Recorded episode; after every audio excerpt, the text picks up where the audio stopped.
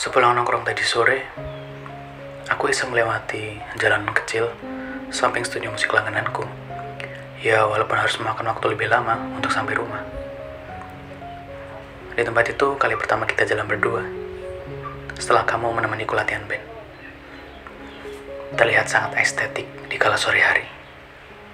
Sembura jingga menelusup di antara celah dinding bangunan nan kokoh. Bau jalanan selepas gerimis kala itu juga masih teringat jelas. Di ujung jalan masih bisa ditemui pedagang kacang rebus yang kita jajan waktu itu. Bersamaan di sampingnya, pedagang wedang ronde yang selalu ingin kamu icip berulang-ulang karena rasanya yang pas di lidah. Sembari nyemil kacang rebus itu, kamu begitu cerewet menceritakan saat di mana email dari klienmu yang tak kunjung nampak notifikasinya. Tulisanmu yang tak kunjung rampung, padahal hampir setengah tahun lamanya kamu rencanakan dan harusnya akan selesai tahun ini. Gitar custommu yang selalu fals, walau telah di-stem berulang-ulang.